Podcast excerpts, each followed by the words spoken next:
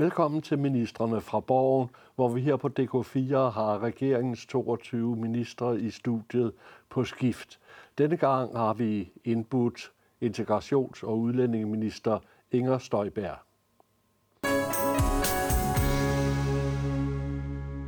Inger Støjberg, det er jo både et internationalt og et nationalt problem, du er minister for. Og hvis vi skal tage det internationale først, så har du allieret dig med Østrig af alle lande i EU. Hvad, det er Frihedspartiet, der sidder i regering dernede, og hvis vi skal sige det meget firkantet, så er Frihedspartiet det er Dansk Folkeparti plus adskillige snese procent. Øh, hvad, hvad venter du at få ud af sådan et samarbejde? Ja, altså for det første så lad os sige, vi har et glimrende samarbejde med, øh, med østrigerne, men det er rent faktisk sådan, at vi har et godt samarbejde, synes jeg, med en række øh, af landene i, øh, i EU.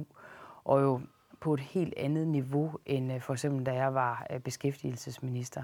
Man arbejder tæt, tæt sammen. Og så er det jo rigtigt.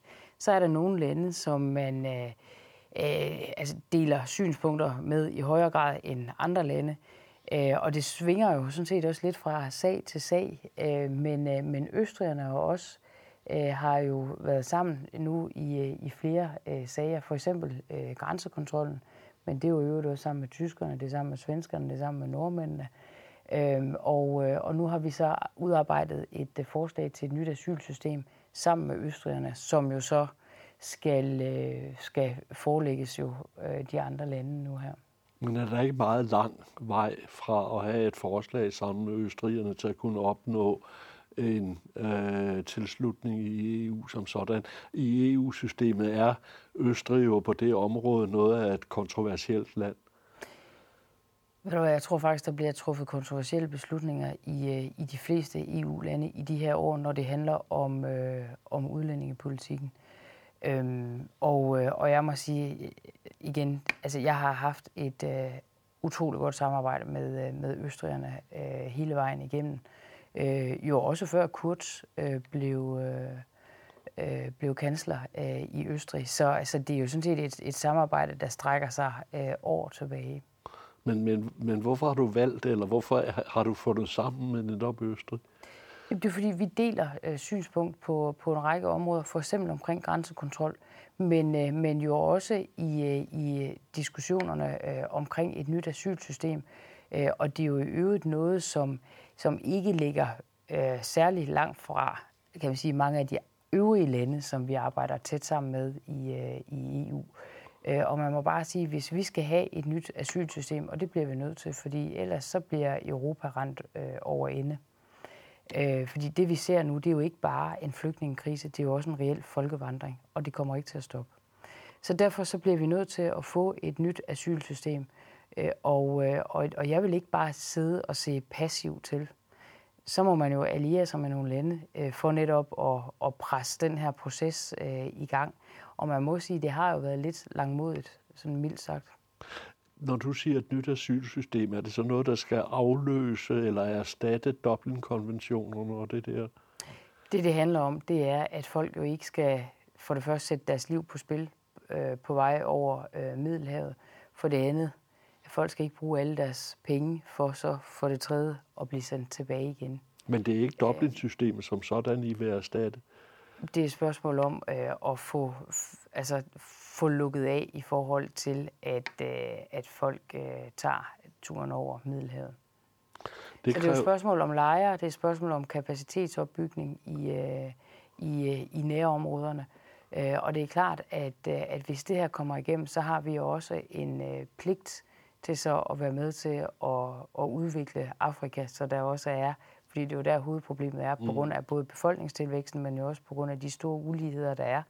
Øh, og så jo i en globaliseret verden, hvor man kender til de øh, store forskelle, der er øh, verdensdelene imellem.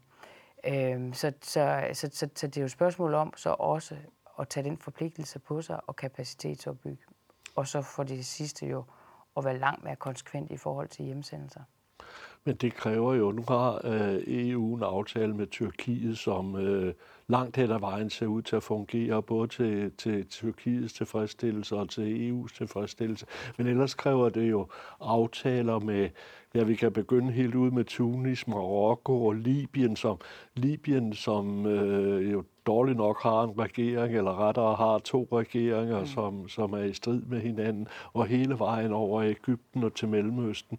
Det er, det er nogle svære lande at, at, at bide skære med, er det ikke? Det her er kompliceret stof, men, øh, men man må sige, hvis ikke vi kaster os ind i den her kamp nu, og hvis ikke vi tager den folkevandring alvorligt, som vi oplever øh, jo formodentlig bare begyndelsen af i, de, i den her tid, jamen øh, så, så kommer vi til at stå med et fuldstændig uafstigeligt problem.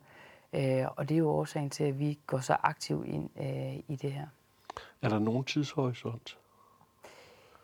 Der vil jo komme øh, forskellige, kan man sige, mellemregninger øh, i det her. Øh, et af de elementer, der ligger i, i vores udspil her, det er jo også et hjemmerejsecenter, øh, som skal placeres i et land uden for EU, men i et europæisk land. Og, og det du siger, det håber jeg... Land. Ja, det vil jo være i et europæisk land, men, men uden for EU. Så er der jo ikke øh, ret det, Det er det, vi arbejder på. Ja, men øh, vi arbejder på, på forskellige lande, og det, det har jo vist sig øh, svært, og det vidste vi også godt. Men, øh, men det skal vi ikke fraholde os fra at, at arbejde i den retning. Og det er jo formodentlig og forhåbentlig en af de ting, man først vil kunne se, fordi det er også noget af det, vi kan, kan sætte i, i gang, øh, hvor ikke alle lande behøves øh, at være med. Men det er klart, et helt nyt asylsystem, det kræver ligesom, at alle lande er med. Det har bragt Martin Henriksen fra Dansk Folkeparti helt op i, i det røde felt, at øh, du i, øh, i løbet af december skal underskrive det, der hedder en Marrakesh-erklæring. Marrakesh er hovedstaden i Marokko. Og den erklæring går blandt andet ud på, at EU-landene skal hjælpe unge mennesker, specielt kvinder, øh, til at komme til Europa og få arbejde. Og der er 26 afrikanske lande, der har skrevet under på det. Strider det ikke lidt i hver sin retning? Nej, for det første vil jeg sige, at der er stor forvirring, og det kan jeg sige, det er der i, øh, i store dele af Europa, fordi der, der er rent faktisk to erklæringer. Der er Marrakesh-erklæringen, og så er der det, som øh, vi skal skrive under på i december, nemlig Global Compact-erklæringen, som skal skrives under i Marrakesh. Så jeg kan godt forstå, at forvirringen er stor rundt omkring. Men det, det her handler om, det er, at vi øh, altså for det første er for første gang i virkeligheden har fået sat pind til papir sammen med afrikanske lande om, øh, om forpligtelsen til at tage imod egne borgere og dermed jo også hjemsendelser. Øh, og det, det her handler om, det er, at, da, at man jo netop skal danse strømmen til Europa. Så, så, så jeg har jo selvfølgelig godt set de ting, der bliver sagt, øh, og som florerer rundt omkring om, at det her skulle være en invitation til at få afrikanere til, øh, til Europa og Danmark. Det er simpelthen øh, helt forkert. Det er faktisk lige nøjagtigt modsat. Men det kræver også et samarbejde med øh, de afrikanske lande, når man vil hjemsende. Det tror jeg er en kendt sag, at det er noget af det, der er øh, besværligt for, for alle europæiske lande, også for, for os. Og derfor så laver vi jo hjemsendelsesaftaler hele tiden. Så, så, så det, der står i den her, det er, at strømmen skal bremses, og dem, der kommer hertil, de skal komme her af legale veje, og det vil jo sige, hvis man skal arbejde her. Øh, men der har vi jo så egne regler, som jo betyder, at der er jo beløbsordninger, og der er mange andre øh, ting, der skal opfyldes, hvis man skal komme her og arbejde. Så det er ikke en åben ladeport eller en invitation. Det er faktisk lige nøjagtigt det modsatte. Øh, og derfor så er det også vigtigt at sige, at det her det er jo fuldstændig gennemsyret af, at dansk udlændingepolitik, det er noget, der besluttes i Danmark, og ikke alle mulige andre steder. Og det kan ikke blive overrulet af, af af erklæringer af den her af art. Men, men når alt kommer til alt, så handler det her om at bremse strømmen. Jo, men kunne det ikke være meget rimeligt, at du øh, samarbejdede for eksempel med Ulla Tørnes om at sige, okay, I tager imod jeres egne mennesker. Vi betaler med at give jer noget uddannelse. Vi gør jo sådan set øh, noget i, øh, i den retning, altså, fordi når jeg laver hjemsendelsesaftaler, så er det jo nogle gange øh, sammen med Ulla Tørnes, øh, og det giver jo god mening at koble for eksempel ulandsbistand op på, øh, på hjemsendelser. Øh, Øh, fordi øh, jeg synes jo selv, at der er noget øh, underligt i, at man på den ene, med den ene hånd, så giver man ulandsbistand til nogle af de her lande, samtidig med, at man så jo, jo indtil videre, eller tidligere, ligesom har accepteret Øh, Øh, eller i hvert fald ikke kastet sig nok ind i kampen på, så alligevel at få sendt de borgere hjem til, til nøjagtigt de samme lande. Altså borgere, der ikke har ret til at være i, øh, i Danmark. Så man bliver jo også nødt til at sige, at hvis man vil have ulandsbistand, så skal man også samarbejde med os øh, den anden vej. Men at forestille sig, at man skal begynde med at tage, tage øh, hårder af afrikanere til, øh, til Danmark for at give dem uddannelse, det ser jeg ikke for mig. Men jeg kunne godt se for mig at lave udviklingsprojekter i nogle af de her lande, øh, mod at øh, man jo selvfølgelig så lever op til de forpligtelser, man har om at tage egne borgere hjem. Jo, men øh, nu siger du selv, vi har, øh, du sagde før, vi har beløbsordninger og sådan noget for udlændinge, der gerne skulle komme til Danmark og arbejde, og vi har et problem øh, med mangel på arbejdskraft. Øh, og der har I udvalgt 12 lande, som øh, vi gerne vil have arbejdskraft fra. I blandt dem er der ikke det eneste afrikansk land. Hvis du nu tænkte langsigtet, kunne der så ikke være en kenianer, der, var, der kunne blive alle tiders IT-ingeniør ved at få en uddannelse i Danmark? Hvis der er en keniansk øh, IT-ingeniør, som, øh, som man lige nøjagtigt står og mangler, for eksempel på, på Grundfos eller Danfos, eller hvor det måtte øh, være, og han kan leve op til kravene, så har han jo, så har han jo mulighed for at søge til Danmark på beløbsordningen den dag i dag. Det, der ligger i det forslag, som regeringen har lagt frem, det er at sige, at de lande, som vi i forvejen har har størst samkvem med, og det vil sige jo samhandel, investeringer, alle de her ting. Øh, jamen de lande, øh, for dem skal der være en lidt lavere beløbsgrænse, nemlig på 350.000 øh, for at komme hertil, hvorimod at de lande, som vi ikke har slet så stor samkvem med, jamen der skal man så øh, jo lade det vedblive med, hvor det, det er nu. Og det er selvfølgelig også en erkendelse af, at de her lande, det er jo lande, som af gode grunde lande, der minder ret meget om os. Og derfor så, øh, så er det kan man sige, giver det god mening at tage de øh, mennesker her til på en øh, lavere beløbsordning, og det er jo noget af det, vi skal diskutere med de øvrige partier i Folketinget nu. Det kommer I ikke ret langt med. Man kan i hvert fald sige, at forhandlingerne er indtil videre kuldsejle, men, øh, men jeg opgiver jo ikke så let, så nu tager jeg det ned i Folketingssalen, og så må vi, må vi tage debatten igen. Fordi jeg begriber ikke, at, at vi har partier i Folketinget, jo anført af Socialdemokratiet, der på den her måde jo skader dansk erhvervsliv, og, og man ved det. Man gør det simpelthen med åbne øjne, fordi vi kan jo se i dag, at der er virksomheder, der mangler øh, arbejdskraft øh, og kompetent arbejdskraft, og det er et problem, vi kunne løse ved at gennemføre de 21 initiativer, som vi har lagt på bordet, men det er der så ikke et flertal for, øh, og jeg begriber det ganske enkelt ikke. Og jeg begriber det slet ikke, øh, når man ser, øh, at øh, Mette Frederiksen jo tilbage i 2014 jo selv stod i spidsen for, øh, øh, og, øh, og øge kan vi sige, andelen af udenlandsk arbejdskraft i Danmark. I hvert fald gør det nemmere på nogle øh, felter. Øh, for så nu her fuldstændig at gå den modsatte retning øh, og, øh, og vedtage øh, jo øh, lovgivning, der betyder, at det er sværere for virksomhederne at få den arbejdskraft, de har brug for, og så ikke engang at vil være forhandlingsvillige nu. Det forstår jeg. Jeg forstår det ikke. Det, der, det, der undrer mig, og, og som jeg ikke har fået svar på, fra nogle af jer ministre, vi har haft i studiet indtil nu. Nu så venter jeg at få svaret.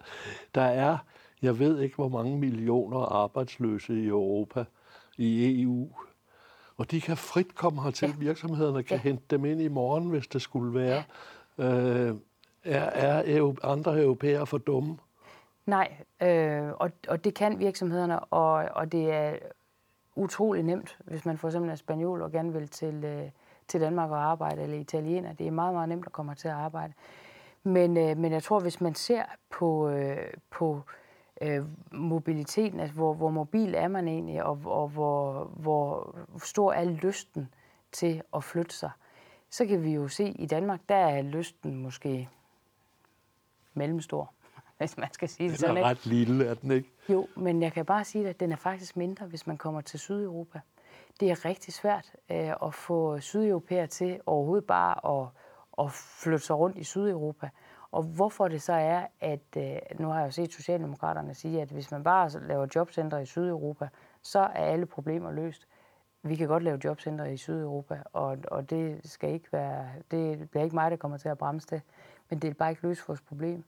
Øh, fordi når, når sydeuropæere har tilstrækkeligt svært ved overhovedet at have lysten til at, og, øh, og flytte sig internt i deres egen lande og, og sådan lige i nærområdet. Hvad i alverden er det så, det er, der skulle få dem til at komme hertil? Alle ved jo, at vi mangler arbejdskraft, øh, og de, øh, de øh, arbejdsløse sydeuropæere, der, der går rundt, de kan jo sådan set bare komme herop. Så, så det er et spørgsmål om mobilitet langt hen ad vejen. Og den er der altså ikke i Den er der ikke, nej. Hvad så, med, hvad så, hvis du går lidt nærmere på Holland, Belgien, Tyskland, Storbritannien? Jeg synes, Storbritannien har sine egne udfordringer nu, kan man sige, og, og især hvis vi får en Den får vi vel en på. Ikke også? Øh, men, øh, men, men når det er sagt, så er danske virksomheder øh, har jo altså også arbejdskraft, også for for eksempel øh, Tyskland. Men, øh, men vi kan ikke øh, honorere øh, virksomhedernes øh, ønsker. Nu var jeg ude ved nogle virksomheder så sent som i går, øh, og jeg er meget ofte rundt på virksomheder også at diskutere de her ting. Øh, og der er ingen tvivl om, altså det, der er allervigtigst for en virksomhed, det er jo at få den kompetente arbejdskraft. Kan man hente den kompetente arbejdskraft nær på, så gør man det, fordi det er nemmere både kulturelt og på alle mulige andre måder, også papirgangene. Så selvfølgelig, hvis man kunne finde den i Danmark, så har man hentet den i Danmark. Kan man ikke finde den i Danmark, så er det klart, så kigger man der i landene lige omkring os. Kan man ikke det, jamen så bliver man nødt til at bevæge sig længere væk. Jeg tror sådan set ikke, altså når jeg øh, lytter på virksomhederne, det er jo ikke fordi, at de har øh, den helt store øh, lyst til at skal kaste sig ind i, øh, i et øh, også byråkratisk øh, besværligt felt, hvis de kunne undgå det. Altså for dem handler det om at få den arbejdskraft, der er nødvendig, og det skal være kompetent arbejdskraft. Og så er der bare det problem nu, at det kan man ikke skaffe nært på, og derfor må man gå lidt længere væk. Øh, og det har vi så jo altså, forsøgt at give et rigtig, rigtig godt svar på, men vi kan bare ikke komme igennem med det i Folketinget. Og man skal bare ikke tage fejl af, det her er jo ikke for regeringens skyld, at de her ting skal igennem. Det her det er for dansk erhvervslivs skyld. Nej, men der gør I måske den fejl, at I sætter beløbsgrænsen. I taler hele tiden om specialister, de mangler specialister ude på virksomhederne, men I sætter beløbsgrænsen sådan, så en dygtig håndværker, øh, han kommer over minimumbeløbet. Øh, når I lader det følge af at sænke beløbsgrænsen, så skaber I jo jer selv et politisk problem. Men prøv at høre, noget af det, det her det handler om, altså nu i øvrigt, vi, har jo, vi er jo så forhandlingsvillige, så vi har jo lagt et uh, nyt forslag frem, fordi vi spillede ud med 330.000, og det er rigtigt, det kunne sådan set godt øh, også øh, få enkelte ufaglærte øh, ind.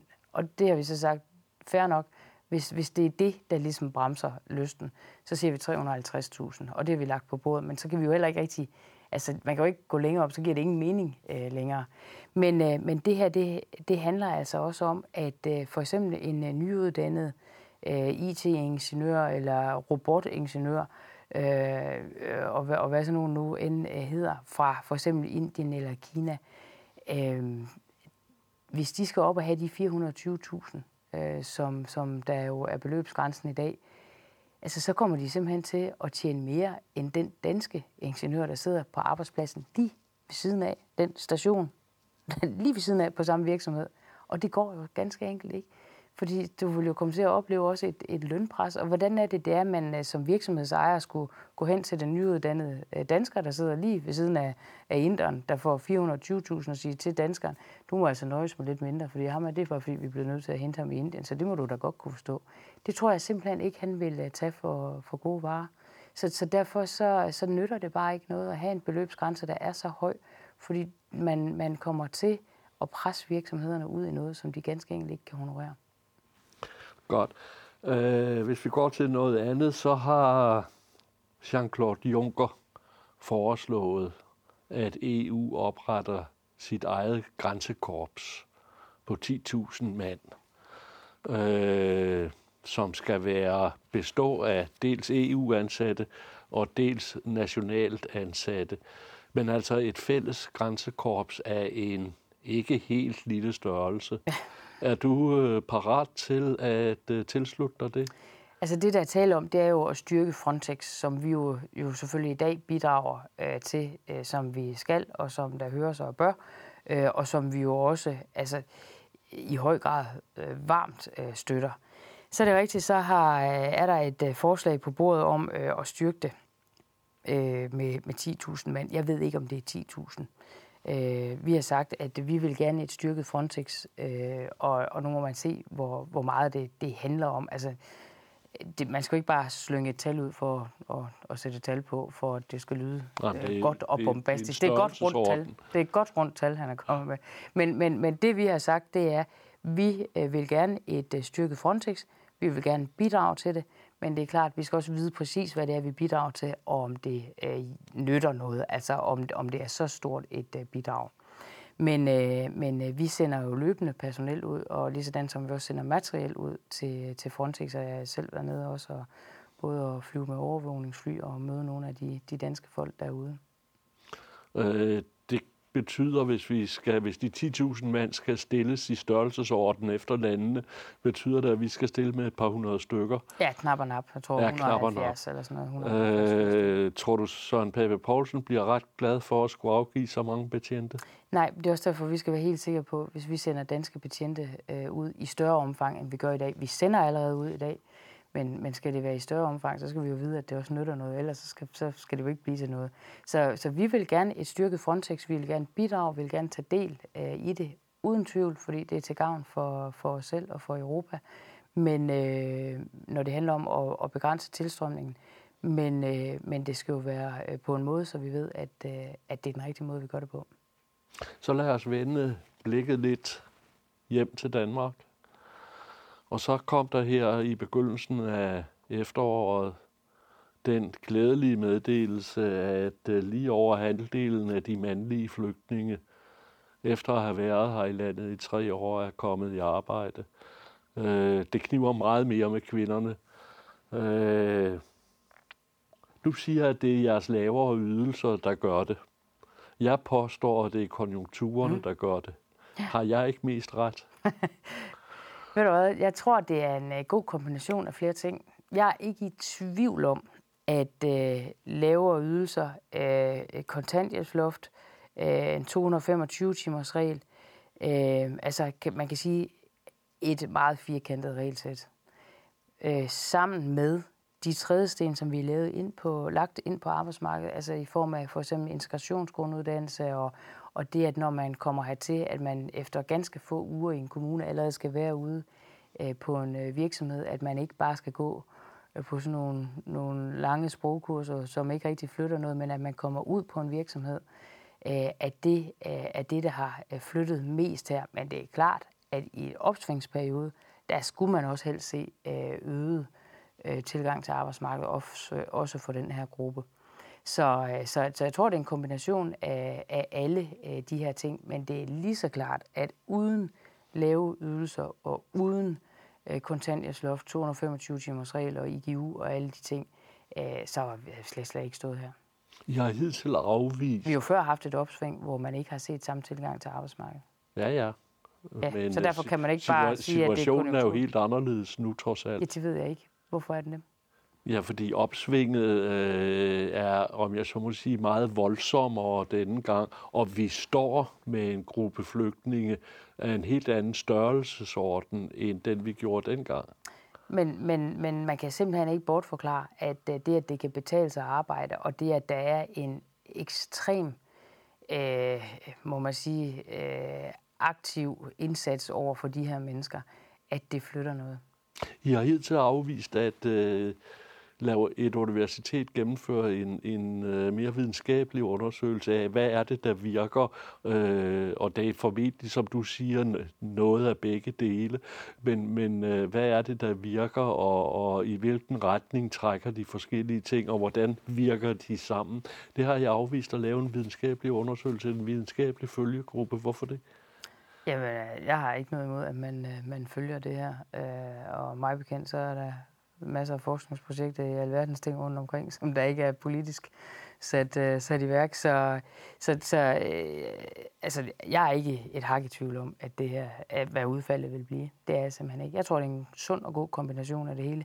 Men jeg vil også sige, hvis man uh, gik tilbage og fjernede integrationsydelsen og sagde, nu er du bare på kontanthjælp, når du kommer hertil, og, og man fjernede reglerne omkring kontanthjælpsloft og, og 225 timers reglen, så tror jeg simpelthen, at du vil blive overrasket over, øh, hvor, negativt, øh, hvor negative følger du vil, øh, du vil få. Og jeg ved jo godt, hvad det her det bliver kaldt. Altså, jeg ved jo godt, at man siger, at det er fattigdomsydelser. Og jeg ved også godt, at man siger, at, at jeg ikke kan se en stramning, før den skal være gennemført. Og, og jo, i hvert fald i dag, og, og der er helst i går, og der er slet ikke i morgen.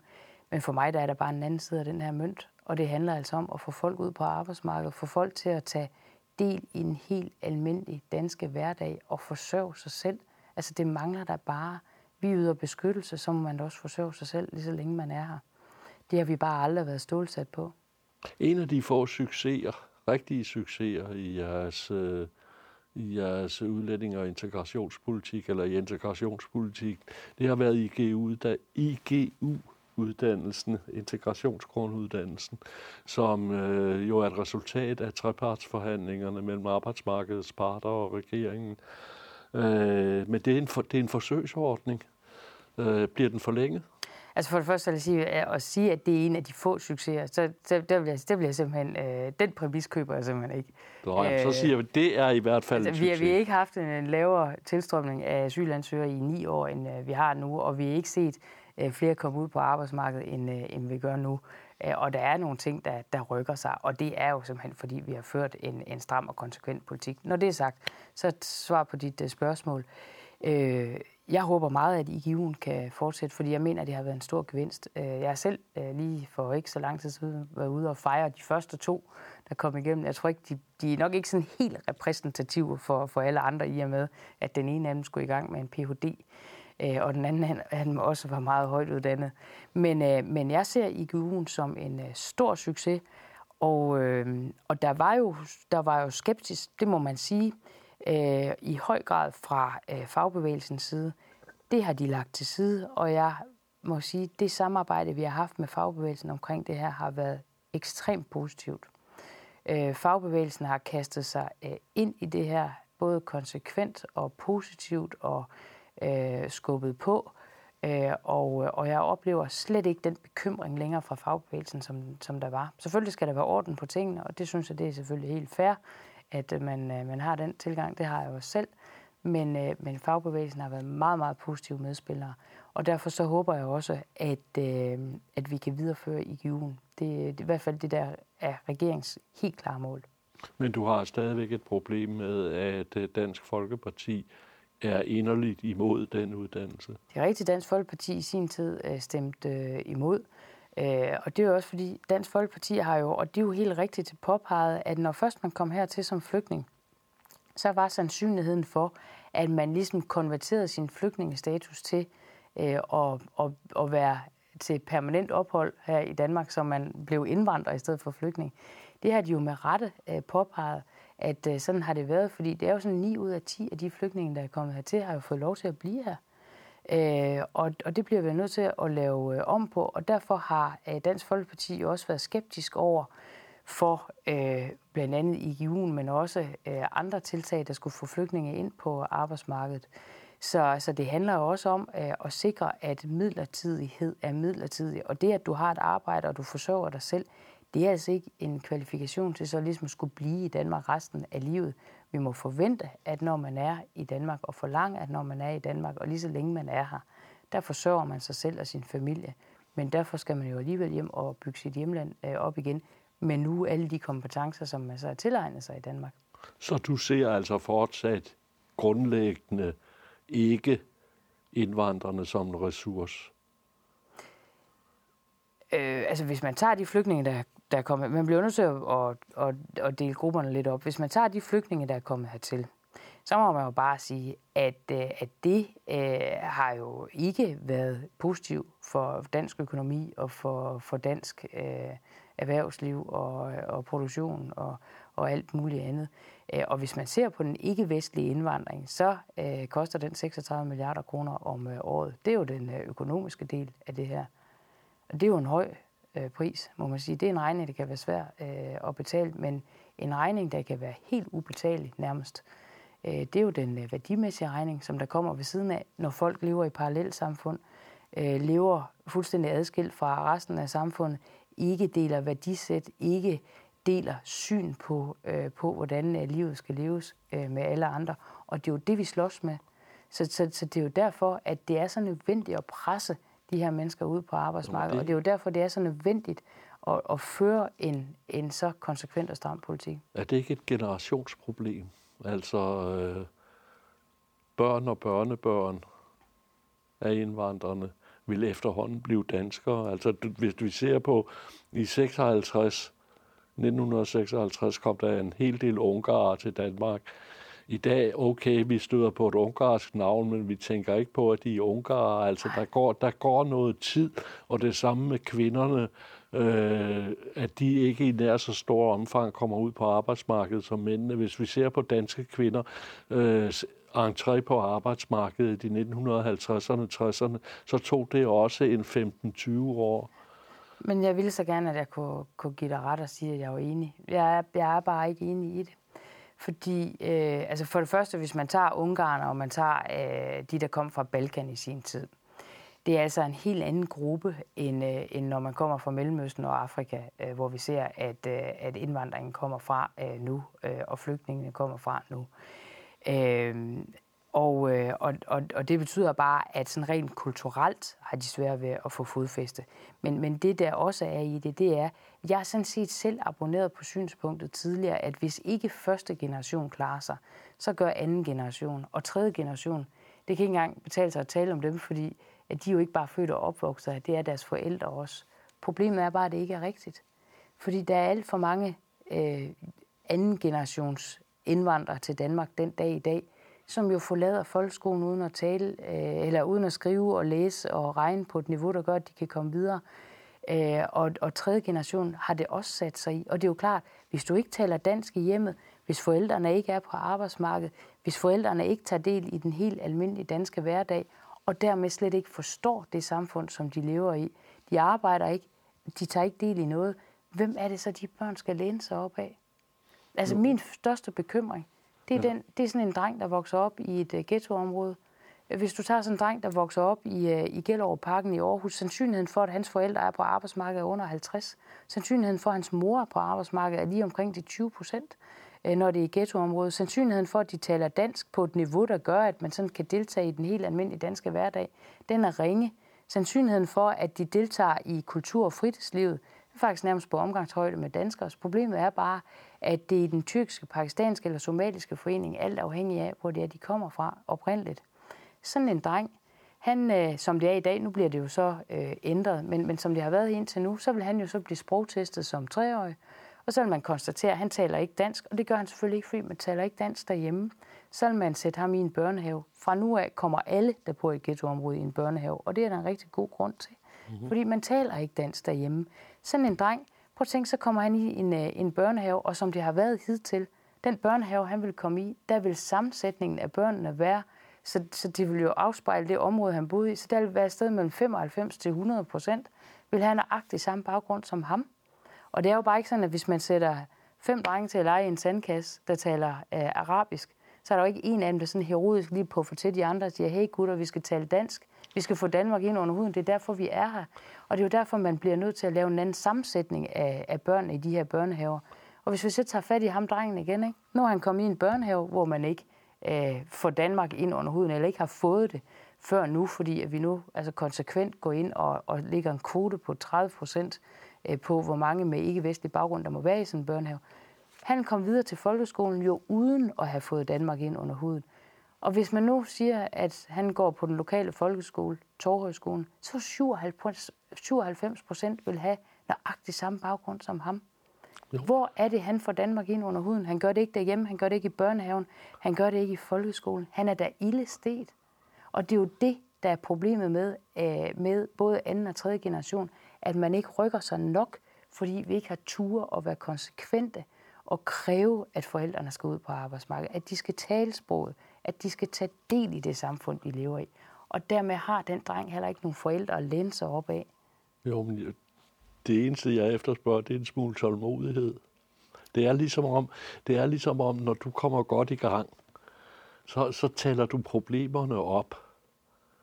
Synes du ikke, det er et problem, hvis, hvis uh, kun omkring 20 procent af kvinderne i ghettoområdet er på jo, arbejdsmarkedet? det synes jeg er et 80 procent går derhjemme til at, og taler ikke sproget. Og du kommer til at stå med et kæmpe øh, sådan som det udvikler sig i øjeblikket, så kommer du til at stå med et kæmpe drengeproblem, fordi pigerne øh, søger ind på uddannelserne og bliver, ja, de bliver socioassistenter, de bliver sygeplejersker, de bliver læger, de bliver jurister. De vil ikke kendes ved de drenge, der går som lømler, og altså bliver de udstødt af samfundet. Dem kan du afskrive, men næste generation skal nok lære det. Jeg vil så inderligt gerne, at du havde ret i det. Jeg, jeg må bare sige, jeg tror desværre ikke, at det, det er sådan, med mindre, at vi bliver langt mere konsekvente på, på det her felt. Øhm, og vi mangler jo i øvrigt lidt, altså vi mangler faktisk noget, synes jeg, noget forskning på, på det her felt, fordi det er rigtigt, at pigerne kommer ind på uddannelserne, og det er rigtigt, at de klarer sig faktisk rigtig godt på, på uddannelserne. Øh, men vi mangler at få fuldt rigtig op på, om de kommer til at bruge deres uddannelse efterfølgende. Øh, og, og hvor mange af dem, der kommer til det. Øh, formodentlig og forhåbentlig er der mange af dem, der gør det, men der er formodentlig også nogle af dem, der ikke gør. Jeg vil godt skifte emne.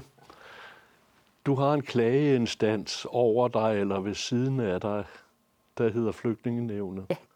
Og der har regeringen bestemt, du har bestemt, at det skal bestå af en dommer. Der er tre mand i nævnet, når der træffes afgørelse. En dommer, en repræsentant for dit ministerium, og, øh, og så som den tredje, øh, en fra... Øh, fra en, øh, hvad skal vi sige, uafhængig advokat. Øh, tidligere var Udenrigsministeriet repræsenteret også, og Dansk Flygtningehjælp var repræsenteret også. Hvorfor har du skåret dem væk? Det har jeg, fordi øh, Dansk øh, Flygtningehjælp er jo part i de her sager. Øh, og, øh, og jeg vil gerne hæve over enhver tvivl, at, øh, at når sager bliver afgjort i flygtningenevnet, at så er der ikke ligesom øh, partsindlæg. Jamen, din, din medarbejder er jo også part i sagen. Ja, det kan man bare ikke sige, fordi embedsmænd er per definition neutrale. Og embedsmænd, jo, embedsmænd er sat øh, til øh, og sat i verden for, og i hvert fald også når de er i flygtningenævnet, øh, og føre øh, jo, altså træffe afgørelser ud fra, hvordan lovgivningen er. Øh, det er ikke partsindlæg. Men, men hvis du har et øh, flygtningenævn, og det har vi haft, øh, eller en øh, flygtningehjælp øh, inde i øh, dansk flygtningehjælp inde i nævnet, så er de øh, uomtvistelig part i sagen. Vil sige, at de medlemmer af flygtninge, ja, Dansk Flygtningehjælp, der sad der tidligere, træffede usaglige afgørelser? Jamen, jeg vil sige det sådan, at jeg vil hæve det over enhver tvivl øh, ved netop, øh, at der kan blive truffet øh, beslutninger, hvor der har været øh, partsindlæg øh, på en eller anden måde i. Øh, og, øh, og derfor har vi øh, taget dem ud af nævnet. Og så samtidig, så, så mener jeg, så skulle man så også fjerne øh, Udenrigsministeriet. Så, så derfor. Jeg kunne tænke mig, det, det er jo et domstolslignende organ, ja. og jeg har selv prøvet i min karriere at sidde i pressenævnet, som på samme måde, ikke med samme konsekvenser overhovedet, men på samme måde var et domstolslignende øh, organ. Øh, der var der repræsentanter for offentligheden. Kunne du ikke forestille dig et flygtningenævn, hvor øh, der sad en eller to repræsentanter, og så kunne man for eksempel vælge dem ud fra grundlisterne, dem der bliver domsmænd og nævninge, øh, så vi fik almindelige menneskers syn på sagerne ind i, i behandlingen, og så du måske kunne undgå nogle af de sager, som du også på synes er tragisk, som bliver, bliver, øh, kommer i pressen en gang imellem? Altså, jeg tror nu, vi står os øh, bedst ved, at, øh, at de mennesker, der sidder og træffer afgørelser her, det er også er mennesker, der har fingrene langt ned i materien, når det handler om, øh, hvordan lovgivningen skal fortolkes. Jeg vil sige, jeg har ikke, jeg har ikke tænkt på den, på den anden model tidligere, men, men, men sådan umiddelbart, så er jeg nu egentlig meget godt tilfreds med, hvordan flygtningenevnet er, er sammensat nu. Men det må jeg jo prøve at overveje. Men du må indrømme, at, at øh, der er nogle sager, at de sager, der engang imellem der dukker op i pressen, hvor du siger, at jeg er nu blevet for meget journalnummerstuderende og glemt, at det er mennesker, det handler om. Der er sager, som der også berører mig. Det er der, der ingen som helst tvivl om, men, øh, men øh, de bliver afgjort øh, ud fra en, øh, en stærk juridisk vurdering af, hvordan, øh, hvordan de her sager skal, øh, skal afgøres, og ikke ud fra øh, følelser. Og, og vil man have ændret det, så er det jo lovgivningen, man skal ændre. Så mener jeg ikke, at det er sammensætningen af flygtningenævnet, man skal ændre. Jo, men det, det står dig frit for at fremsætte nye lovforslag. Det står mig frit for, men, øh, men det er jo også sådan, at hvis man øh, forsøger at, at file et hjørne til, så er det jo ofte sådan, at så får det nogle større konsekvenser øh, andre steder, og derfor så er det ikke så simpelt endda. Du har gjort meget for øh, i forhandlingerne med de forskellige partier, at øh, statsborgerskabet, det at blive dansk statsborgerskab, eller få indfødsret, som det hedder, øh, skal bygge på, på objektive kriterier. Og det er selvfølgelig øh, meget godt for, for retssikkerheden i landet, at øh, kriterierne bliver så, så objektive som muligt, så målbare som muligt. Men øh, det, det handler om, hvis man skal være dansk statsborger, det er vel i høj grad, at man er blevet medborger øh, i samfundet. Kunne du ikke tænke dig øh, igen for at inddrage almindelige mennesker, at man hørte, hvad naboer, arbejdsfælder, forskellige andre omkring en person, der søger dansk statsborgerskab, hvad de siger, og hvis de siger, at han er god nok, så bliver han statsborger. Ej, altså jeg synes, det det handler om, det er jo netop, at man, man ved, hvad det er, der afgør, om man kan få et dansk statsborgerskab eller ej. Og at man, man dermed jo har noget meget konkret at stræbe efter. Og man ved, at man skal holde sig uden for kriminalitet, man skal forsørge sig selv, man skal tale sproget, og man skal også have en forståelse for, for dansk øh, kultur øh, og historie. Og det er jo derfor, at vi har øh, statsborgerskabstesten, som vil, altid er til stor debat, vil, hver gang den kommer. Du vil ikke tage noget subjektivt med ind og sige, hvis, hvis, øh, hvis, han, hvis han i øvrigt lever øh, et liv blandt danskere. Og så kunne man være kriminel ved siden af? Nej, det, men, det mener jeg så til ikke, at det skal være et supplement. Det skal eller, ikke være en erstatning. Kunne, eller man nej, jeg har tænkt, jeg har tænkt det som... Men han var en god mand, så derfor så skulle han være dansk statsborger. Nej, jeg har tænkt, det, jeg har tænkt det som et supplement, og ja. ikke som en erstatning. Nej, altså hvis du, igen, hvis du igen, i forvejen skal op... Øh, igen altså, for at undgå nogle af de sager, hvor, hvor, som, som du siger også berører dig menneskeligt. Altså hvis man tager øh, sager omkring øh, statsborgerskab, så, så mener jeg nu, at det, det er ganske klart, fordi der er nogle, øh, nogle helt øh, altså faste kriterier, man skal øh, opfylde, øh, og det er jo noget af det, som, som jeg nævnte før. Øh, og så mener jeg sådan set ikke, at der er så meget øh, at raffle om. Øh, så mener jeg ikke, at man ved siden af lige kan sige, men, men, men så meget arbejde, han ikke har en rigtig flink fyr, så, så derfor kan han godt lige blive statsborger. Øh, så sådan ser jeg altså ikke på det. Jeg mener, at det at få et dansk statsborgerskab, altså det er, jo, det er jo noget, man skal stræbe efter. Det er den største gave, jeg mener, vi overhovedet kan give et, øh, et øh, menneske som land. Det er at blive dansk statsborger, og så skal man bare lige huske på, at for at blive dansk statsborger, så har du altså permanent ophold i, øh, i forvejen. Ja, ja. Og, og det betyder jo altså, at du kan jo så godt blive her, men så bare ikke nyde, kan man sige, de sidste rettigheder, som blandt andet at stemme til et folketingsvalg og have et dansk pas. Så en dum skid, hvis bare han opfylder reglerne, så... Øh... Altså, helt ærligt, hvis, hvis man har forsørget sig selv igennem en meget lang årrække, og at man har holdt sig uden for kriminalitet, og at man jo også tager del i, i det danske samfund og forstår det, øh, så mener jeg, så, så er det nok ikke op til mig at vurdere, om jeg kan lide manden eller ej. Lad os lige tage et faktaark omkring statsborgerskab.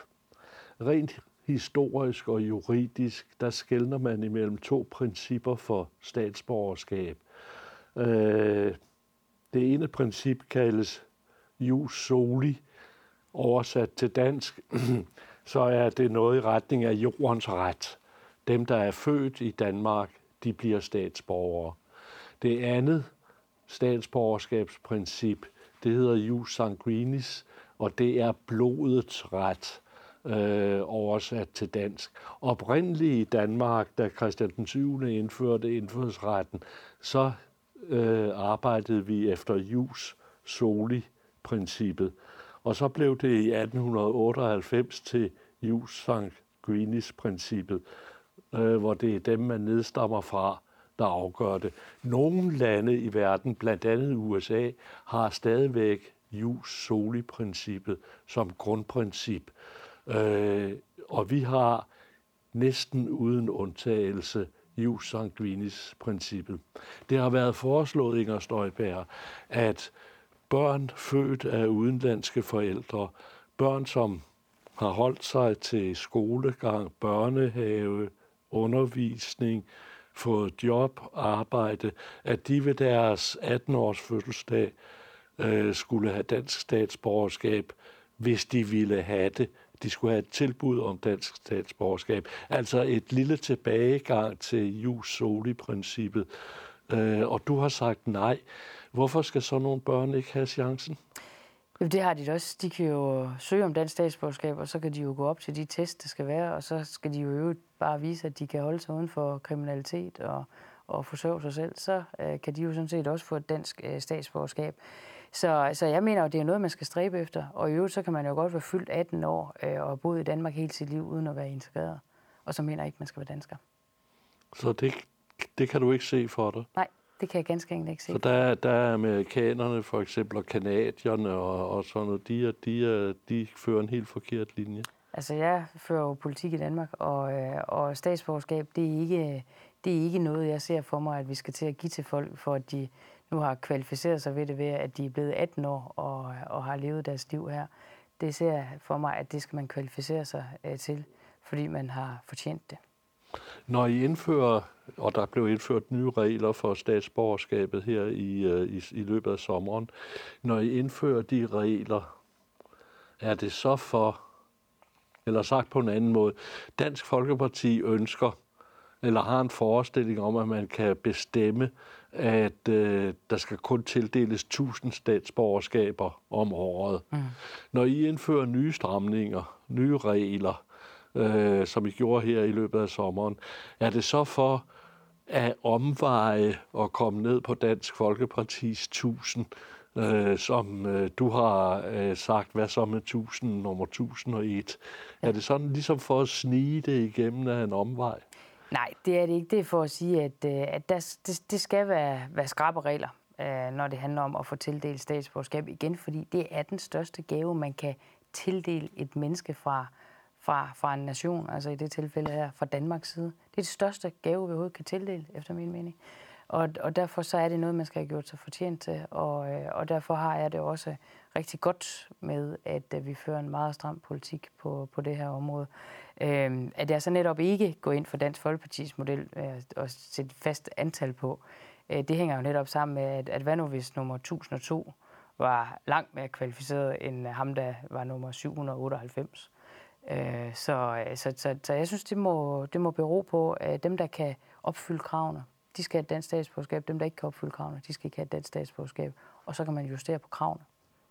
Et af de objektive krav, det er, som du har nævnt flere gange allerede, at man ikke må have begået kriminalitet over en vis grænse. Øh, og så får man jo en stigende karantæne alt efter, hvor, hvor grov grænsen er. Men en af de nye regler, som I, I blev enige om her i sommer, det er, at hvis det er hvis du er straffet selv for den mindste ting, og det har relation til en bandekonflikt, så er, så er der nul mercy. Ja. Det er fordi, de skal ikke have et dansk statsborgerskab. De hører da ikke til som danskere. Hvad siger du? De hører da ikke til som danskere, hvis man, øh, hvis man begår Jamen, øh, det vil sige, og, og, at du faktisk... Og det ved man. Altså, og så er den jo sådan set ikke, øh, ikke længere. Øh, så hvis man går herude på, på Nørrebro og flytter lidt med tanken om at blive øh, en del af en bande, så ved man så nu, at så bliver man ikke dansk statsborger. Jamen, det vil sige, altså andre, der ikke under nogen omstændigheder kan blive danske statsborgere, det er landsforrædere, og, og det er terrorister. Ja. Og det vil sige, at en der, er, en, en, der er tilknyttet til en bande, som begår knallertyveri, han, øh, han bliver sidestillet med en landsforræder og, og en terrorist. Jamen ved du vi skal ikke have bander i Danmark. Altså, det har vi da alligevel aldrig nogensinde brugt før, og det skal vi da heller ikke have nu. Så, så, så det mener jeg ganske enkelt er fuldstændig på sin plads. Og nu ved man det. Nu står det soleklar for enhver. Så, så man det... ved, hvad man går ind til. Og det er jo det, der er så godt ved, ved tildelingen af, af statsborgerskabet. Det er netop, at det så ikke er sådan lidt fiflen rundt, og han er da også en, en, en flink mand i øvrigt, udover han, han fifler lidt med nogle bander, og han sådan deltager lidt i, i noget der, men han er, da, han er da altid flink og rar. Altså, det, det nytter ganske enkelt ikke noget. Jamen, øh, vores retsstat bygger på, at der er noget, der hedder proportionalitetsprincip. Altså, straffen skal stå i forhold til forbrydelsens størrelse. Bryder du ikke fuldstændig med proportionalitetsprincippet på den her måde? Det er faktisk sådan, lige præcis når det handler om tildeling af statsborgerskaber, så er der meget, meget hvide beføjelser for, øh, hvad man øh, kan. Det er, Øh, og, øh, og det er sådan set lige nøjagtigt det, vi, vi drager nytte af nu. Øh, og siger, at der er øh, altså ganske enkelt mennesker, som vi ikke vil, øh, vil give et dansk statsborgerskab. Og dermed jo også den udvidede beskyttelse, som det er at være dansker. Øh, så, så udover at det jo er et privilegie på alle måder at kunne kalde sig dansker, og man får et dansk pas, øh, og man kan stemme til folketingsvalg, så har man jo altså også en beskyttelse i det at være dansker. Mm-hmm. Og det mener jeg ikke, at man skal give til hvem som helst. Så proportionalitetsprincippet, det, det, jeg siger ikke, du overtræder nogen love. Jeg siger bare, at, at, at det er måske en lille smule kulturfremmed. Jeg synes, det er meget kulturfremmed at melde sig ind i en bande. Når du, når, når du har fastsat den stramme regel, at man ikke må begå den mindste forbrydelse øh, som banderelateret, øh, Øh, så afviser du jo også, at man kan blive klogere gennem livet. Altså de fleste af dem, der deltager i bander, er vel mellem 16 og nogen og 20 år. Øh, de har, de har øh, 60 år tilbage at leve i endnu. Øh, kan man ikke blive klogere gennem livet? Jo, det håber jeg meget, at øh, man kan, men man bliver bare ikke belønnet med det med et dansk statsborgerskab. Øh, og det er jo øvrigt, øh, altså nu, det er jo, det er jo ikke kun øh, bandefolk, der er tale om her. Øh, der er også andre øh, ting, som vi har sagt, at man kan jo for eksempel ikke blive, øh, blive dansk statsborger, hvis man har begået overgreb på børn. Øh, så får man heller ikke dansk statsborgerskab. Så, så det er bare for at sige, at øh, vi er jo ret konsekvente i de her ting.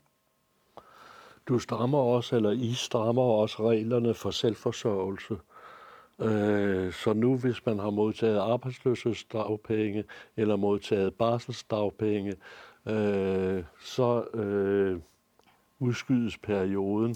Ja, så er det sådan en stand-still periode. Man, Ja, sige, man, man ja. trækker ligesom noget ud af ligningen. Ja, Det er ikke sådan, at man så får en lang karens på det, men, men det, man trækker ligesom den tid ud af ligningen, og sætter, sætter ud i stå. er det ikke kvindediskriminerende at tage barselsoverlov med ind i sådan noget? Der er ikke, hvis øh, vi også mener, at mænd også skal tage barselsorlov. Det hører Jo, men kvinderne man også tager, jo arbejder på, den, ikke? kvinderne tager jo den længst, Jo, jo. trods alt. Jo, jo, men, øh, men det ændrer ikke på, at øh, det er sådan set fair nok, at så længe man har været på offentlig forsørgelse, øh, og det er det her. Jeg ved godt, at man siger, jo, jo, men jeg har også selv betalt ind til min A-kasse, for eksempel. Ja, men det er en meget, meget lille andel.